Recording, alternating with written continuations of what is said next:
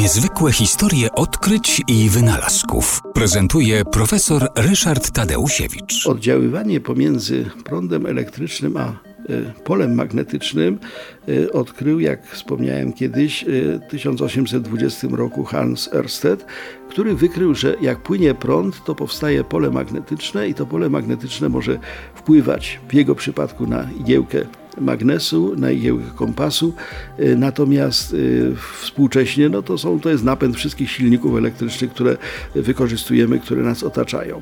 Wobec tego droga od prądu do magnetyzmu była y, utorowana i była znana. Natomiast Michał Faraday, genialny absolutnie eksperymentator, naukowiec, uczony, który zrobił bardzo wiele w wielu fundamentalnych dziedzinach fizyki, w 1831 roku wykrył, że istnieje związek w drugą stronę. To znaczy, jeżeli mamy pole magnetyczne, to możemy z jego pomocą wytworzyć prąd.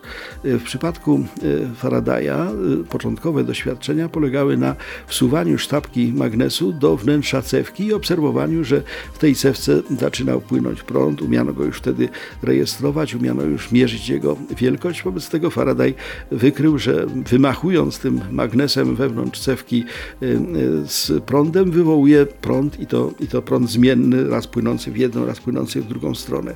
Y, to jest y, fundament y, całej współczesnej elektroenergetyki, dlatego że wszystkie generatory elektryczne, wszystkie turbiny elektryczne, które zasilają nam no, żarówki i prąd dla wszystkich fabryk i, i tramwajów i wszystkiego innego, co jeździ, powstają właśnie w ten sposób, że ruchome pole magnetyczne, w tym przypadku wirująca turbina napędzana parą czy energią energią spadającej wody, porusza się wobec y, kabli, czy właściwie zwojnic y, elektrycznych, y, które wytwarzają prąd, czyli zmienne pole magnetyczne powoduje przepływ zmiennego prądu elektrycznego, a ten prąd potrafimy już wykorzystać.